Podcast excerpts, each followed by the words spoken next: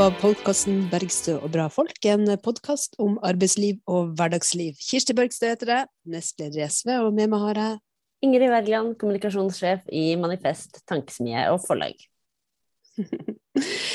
Eh, og vi har også en eh, gjest i dag. Eh, det er Trond Mellemsrand, som jobber i Humana omsorg og assistanse, og som også er leder for klubben der. Hjertelig velkommen til oss, Trond.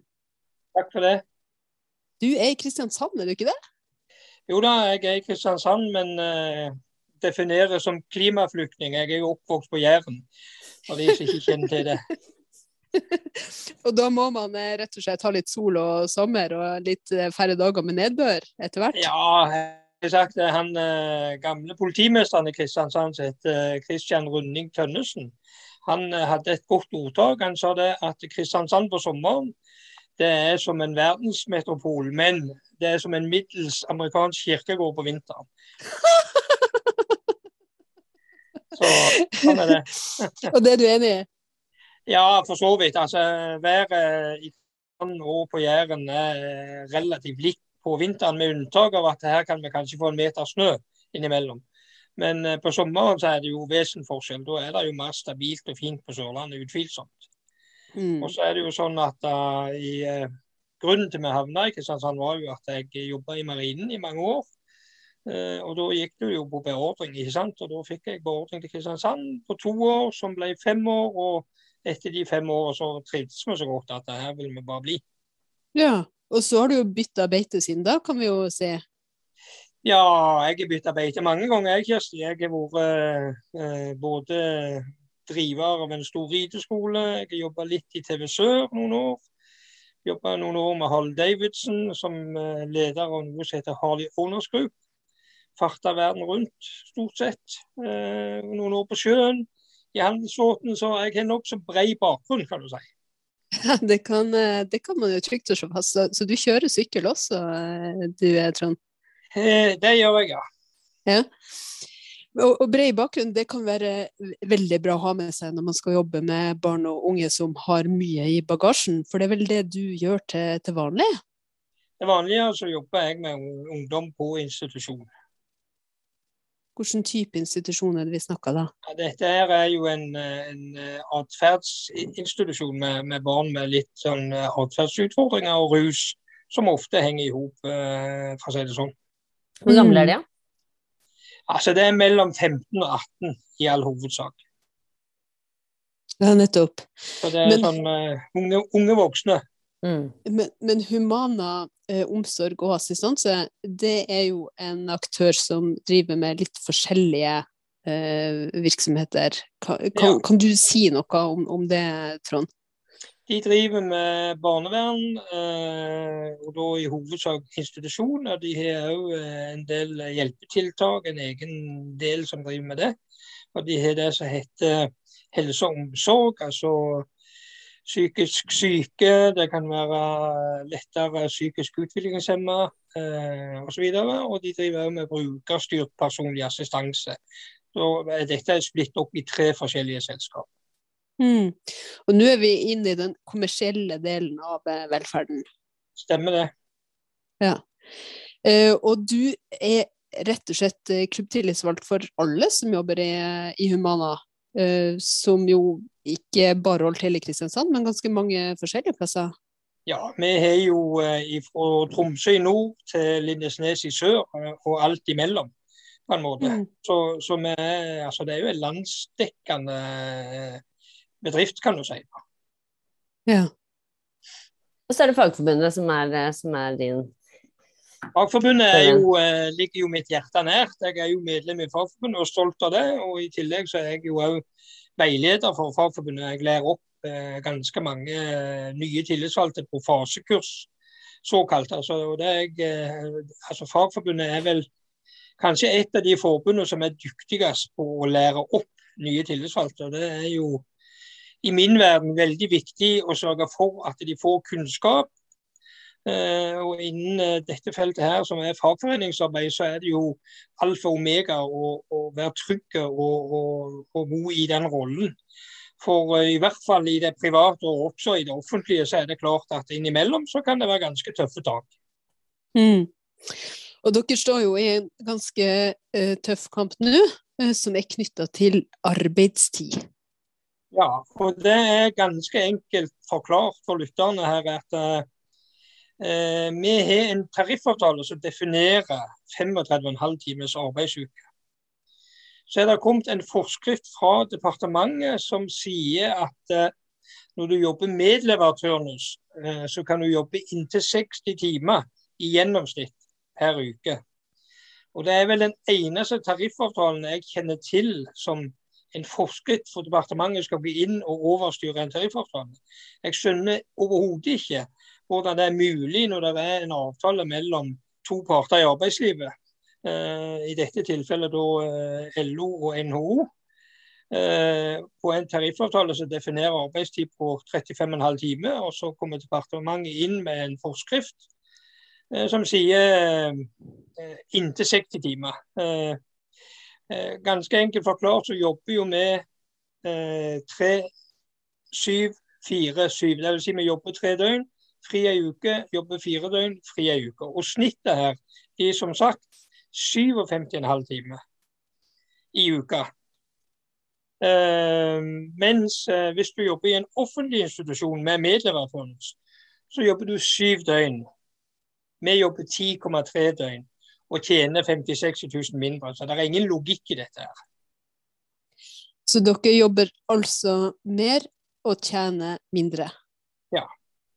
Og det er jo uh, utvilsomt at, at uh, de store uh, velferdsselskapene, de, de ja, jeg kaller det jo utnytting av folk, nesten, på en måte. Men, men her har de jo fått god hjelp fra departementet. Så det at, at eh, ja, det, Dette vi vil prøve i en rettssak nå i arbeidsretten i uke seks. Eh, hva er det som gjelder? Er det en tariffavtale, eller er det en forskrift som skal inn og overstyre tariffavtalen? I tilfelle så, så er jo dette den eneste tariffavtalen jeg kjenner til hvor, hvor en forskrift kan gå inn og overstyre. Eh, på en måte. For du, du, kan si det sånn at egentlig så Hva er hensikten med en tariffavtale hvis ikke den gjelder? Nei, det, det, er et godt poeng. Det er greit å få avklart. Men, eh, men dette, når du sier det kommer fra departementet, det, dette er vel da kommet fra altså det, det Solberg-regjeringen sitt, eh, sitt, verk? Nei, det er det dessverre ikke. Det kom i 2005. OK. Yes. Og har vært virksomt siden? Ja. Men har det ikke vært prøvd i arbeidsretten siden? Nei, uh, av en eller annen merkelig grunn så har det ikke det. Men, men uh, altså bakgrunnen for dette er jo at uh, i 2018 så fant en av våre si, HR-partnere, som de kaller seg så fint, ut at når du er på jobb, så kan du jo sove annenhver natt. Og så kan du da ta igjen den tapte søvnen den ene natta med å sove ut på dagen neste dag i et hus med fire-fem mennesker som surrer rundt og går på bad og går på do og går på kjøkken og slamrer med dører osv. Så, da ble jeg eh, skikkelig provosert, og da lagde, eller fremma vi en sak eh, der vi krevde 100% overtid for dette her. Og fikk tilbud om 70% avspasering men ingen økonomisk kompensasjon. Så det er viktig å få dette prøvd for arbeidsretten eh, og få satt ned foten en gang for alle. Altså, for vi kan ikke ha det sånn at, at vi skal forholde oss til forskrifter, og så, og så har vi en tariffavtale som, sagt, som sier 35,5 timer i snitt, og så jobber vi 57,5 timer i snitt. Mm. Men det som eh, ble forsøkt eh, forhandla frem da, at dere eh, kunne få, um, få um, avspasering eller kompensasjon på, på tida, det, det, ble det aldri enighet om? Nei, nei, nei. Det ble jo en uenighetsprotokoll, og så gikk den saken videre. Og nå er det jo tatt ja, Når vi kommer så langt som det rettssaken, så er det gått ca. tre og et halvt år siden den saken oppsto. Så det er tre og et halvt år siden dere starta med å jobbe med, med det her, eller den uenighetsprotokollen ble, ble ja. ført i pennen? Ja. Ting tar tid. Det er et byråkrati i alle retninger her. det er det. Men kanskje det er litt interessant uh, å høre litt om medlevertunnelsen, medleverturnusen, fordi opprinnelsen til den, uh, den handler vel om de eh, ideelle rusinstitusjoner at de måtte ha en, en unntaksadgang eh, å jobbe innenfor eh, som passer for dem. Og så eh, har jo det blitt eh, langt mer utbredt eh, enn det den en gang kom til for. Og nå ser vi jo at veldig mange kommersielle aktører benytter seg av den, fordi at man på den måten kan presse ned lønn og arbeidstid, og, og opp, ned lønn og opp arbeidstid i, i praksis. Ja. Så det her er jo en, en, sak som jeg vil tro at vekker interesse også utover din egen arbeidsplass og, og, og selskapet som du jobber for, Trond. Det er helt riktig. Det er jo en prinsipiell sak som gjelder hele bransjen eh, på mange måter. Og eh, Eh, det som en kan si om medleverforskriften Nå har jeg jobba eh, med, med, ungdommer med utfordringer i snart 15 år. Mm. Eh, Jeg vil gjerne si noe òg etterpå om denne her nye barnevernsreformen. Det skal du få. Som, som jeg, en, jeg har til gode å treffe ett menneske, eh, fagutdanna eller ikke, som er positiv til det. Men det kan jeg ta litt om etterpå. Men i forhold til medleverforskriften, så er det en, en, en nei, medleverordningen, så er det faktisk de fleste som jobber den, trives med det. De trives med å være på jobb en periode, og så ha en lengre periode fri. Eh, min egen personlige mening er jo at for ungdommene å slippe å forholde seg til masse vaktbytte, for de er veldig sårbare, mange av disse. Og de er mm. veldig avhengige av stabilitet.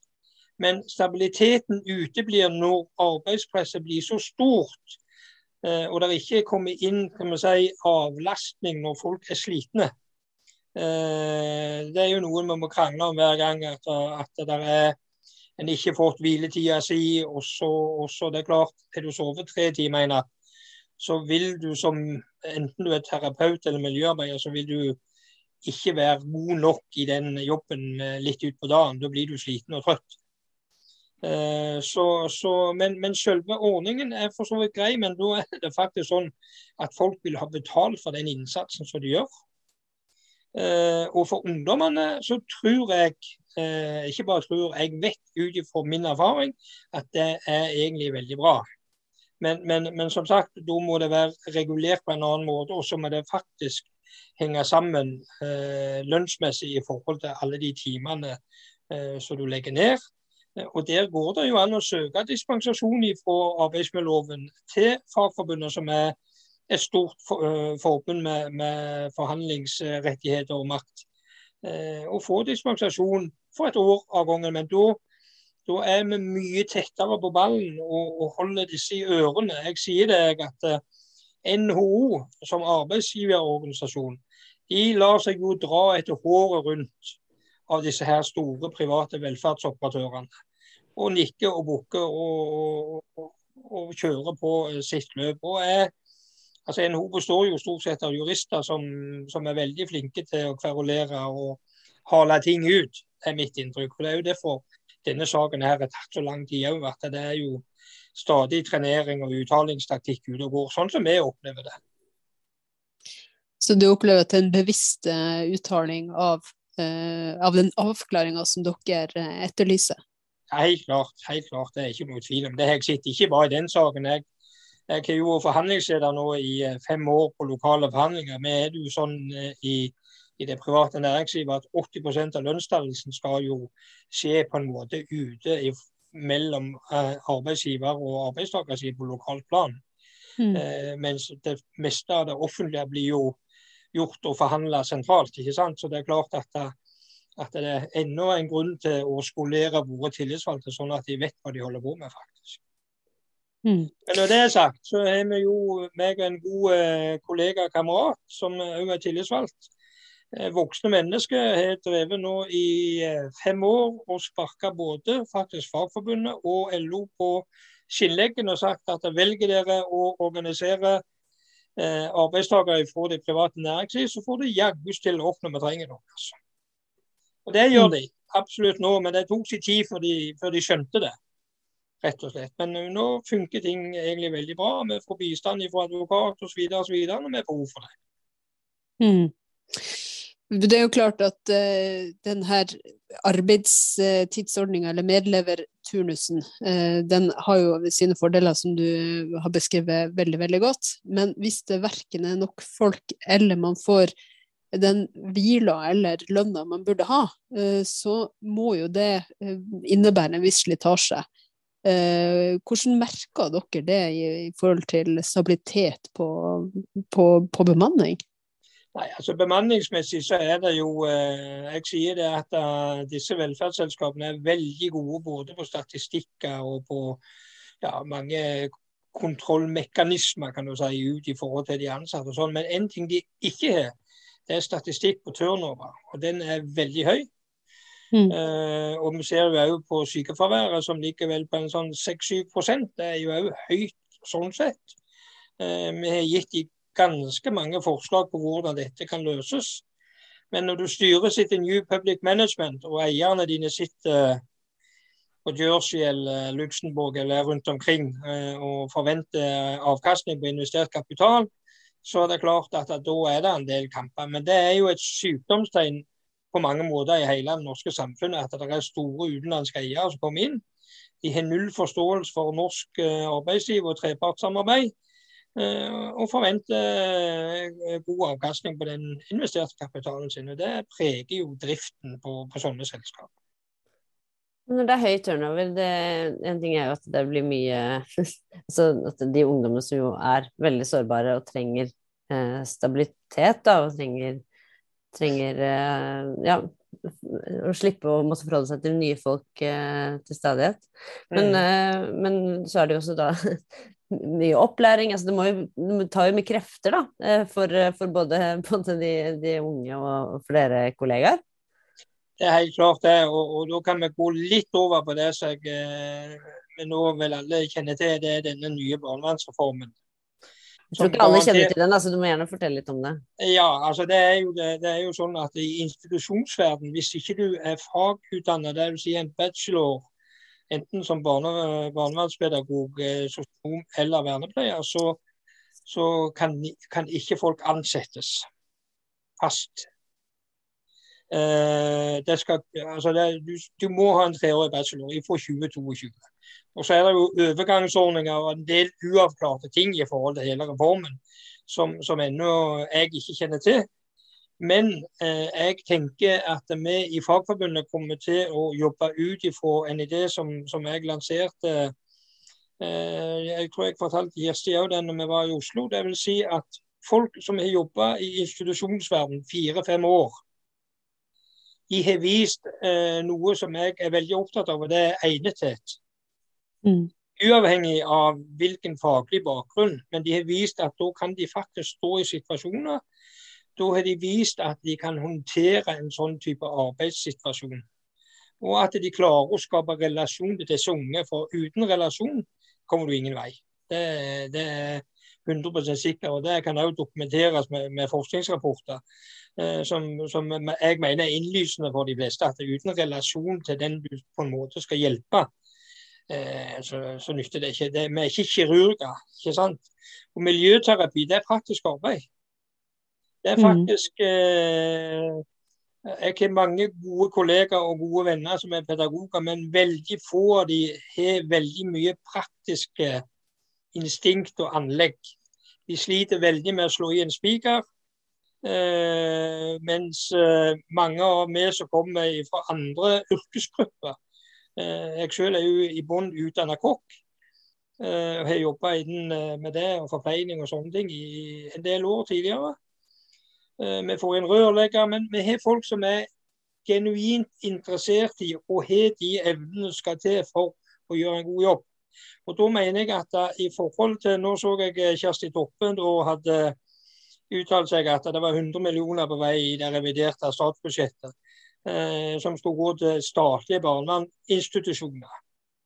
Der òg må vi jo være våkne at vi sørger for at det her blir det eventuelt virksomhetsoverdragelse. For det er masse kompetente, dyktige folk som jobber innen privat helse og omsorg. Eh, som definitivt har en plass og, og bør være med videre eh, på dette. her. Men litt tilbake til denne barnevernsreformen. Den, eh, eh, jeg sier det i min subjektive tankegang sier at det har vært mye kritikk fra Menneskerettsdomstolen i Strasbourg. Det har vært mye generell kritikk i media i forhold til barnevern. Og det er jo ikke tvil om at eh, jeg kaller det for en ukultur. Både i statlig og i privat eh, er det en ukultur. For alt blir styrt etter økonomi eh, fullt og helt.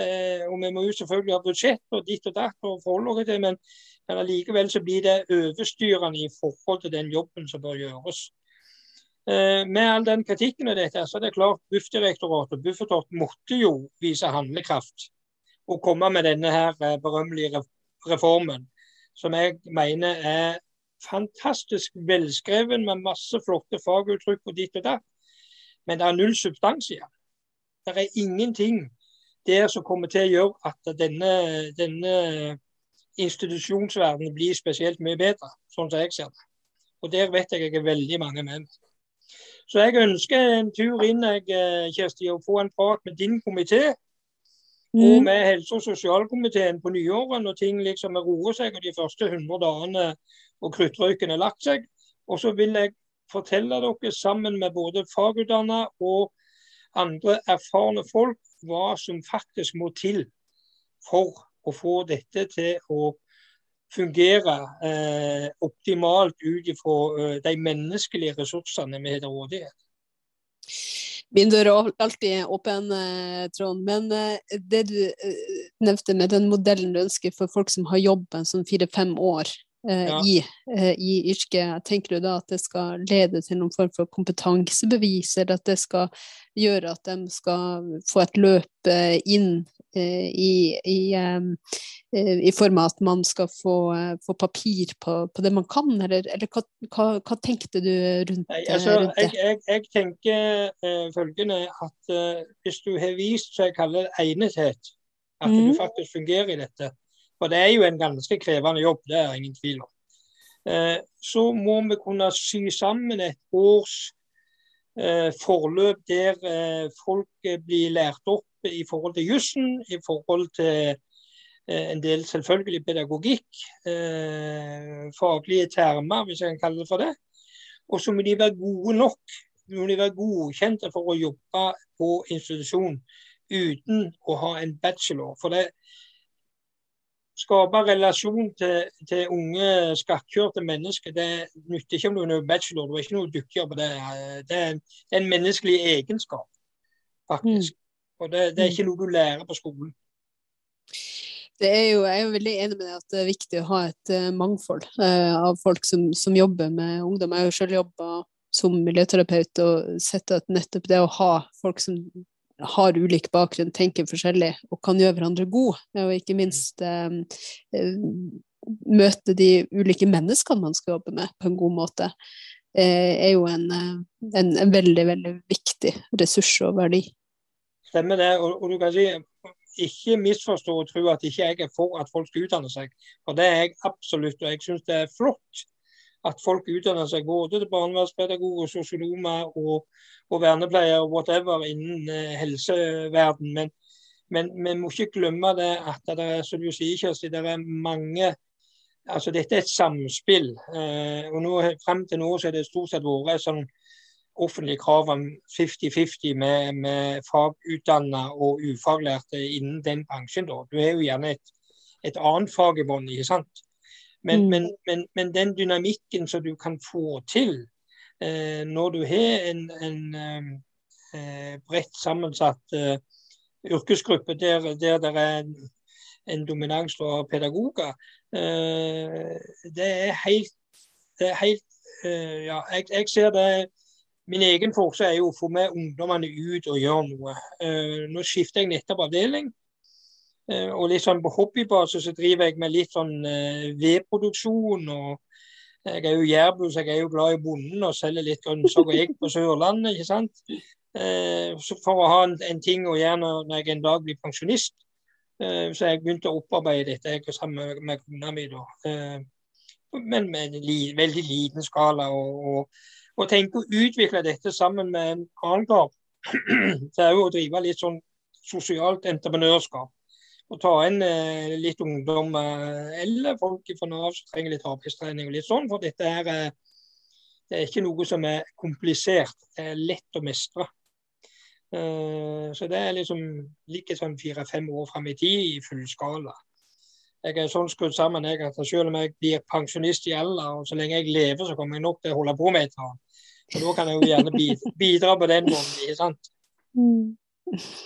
Men med denne her barnevernsreformen hvor du beskriver at det da blir avkrevd at man skal ha eh, bachelor, så det minner jo veldig om dette disse kravene til lærerne som, som jo ført til det man kaller avskilting av lærere. Da. Lærere som har jobbet i en årrekke, og så har de ikke så, så mange studiepoeng i akkurat det faget de underviser i, og da, da vil de ikke få lov til det, da. Mm. Uh, men, uh, men, hva med altså Du nevner bachelor, men hva med, med yrkesfag eller fagbrev i sånn barne, barne, hva heter det? barne... barne og ungdomsarbeid? Ja? ja. Vil, ikke, vil ikke de kunne jobbe Nei, det er ikke godkjent. Uh, ikke, engang, ikke engang psykolog er godkjent. Det er kun eh, barnevernspedagog, eh, vernepleier eller sosionom. Eh, hvorfor sosionomer er godkjent, det skjønner jeg ikke helt heller. For det er jo en mye bredere eh, altså Barnevernspedagog og vernepleier, da er du jo mer spissa i forhold til å jobbe med mennesker. Med, og det er du for så vidt med sosionom òg, men, men, det er jo en eh, det er vel ikke så veldig mye de har om, om dette med jobb med, med med barn og unge i forhold til det Kjersti, som du har som faglig bakgrunn? Jeg er jo barnevernspedagog, da, eh, ja. men har jo også jobba litt i sosionomyrker, sånn som, eh, sånn som på, på, Nav og, eh, og, den slags. Men men det, det, er jo, det, er jo, for så vidt bra at det sosialfaglige arbeidet løftes, men, men, det kan jo ikke innebære at man kaster vrak på all den praktiske eh, erfaringa og, og arbeid som gjøres ute i, i institusjonene i dag. Eh, så jeg tenker at her må man jo finne en fornuftig balanse, da. Ja. Det er jo kanskje, kanskje det som, som, er viktig å få eh, på plass. Ja, jeg tror det. Og du, du er jo mor sjøl. Jeg er både far og bestefar. Eh, og Hvis jeg får valget mellom å plassere, hvis eh, det skulle ha vært tilfellet, mitt barn på en institusjon der jeg visste han ble tatt bort av, av to nyklekte pedagoger på 25 kontra et godt voksent menneske på 50 pluss med egne barn og egne ungdommer, og en pedagog, så 50-50-fordeling, så vet jeg hva jeg hadde valgt. Mm. Ja, mangfoldet, mangfoldet, trengs i hvert fall. Du, eh, Trond, vi må bare litt tilbake til den uh, saka som skal opp eh, i uke seks, som du sa, i arbeidsretten. Ja. Eh, hva er det som skjer frem til da, egentlig? Nei, altså Frem til da, Vi hadde jo lokale forhandlinger i, for 2021 og 2020 med en ukes mellomrom pga. den pandemien som ikke, vi er jo ikke ferdig med den ennå. Den, den pågår jo fremdeles. Eh, men, men, det ble utsatt 2020-forhandlingene eh, til i år. Eh, og vi har jo denne medleverforskriften som, som vi per nå ennå jobber etter. Og det, det, gjør vi fram til den rettssaken avklarer hva, hva skal vi forholde oss til. Eh, mm. Arbeidsgiversida ville jo gjerne forhandle særavtalen vår òg. For vi er jo en særavtale, og det er der ofte ute i det private næringsliv. som òg definerer arbeidstid og hviletid og ditt og datt. De henviser i all hovedsak til medleverforskriften. Men den eh, ga jeg bare beskjed om at den, den forhandles ikke. Den venter med denne rettssaken er gjennomført og dommen er falt, og så får vi forholde oss til det som skjer etter det.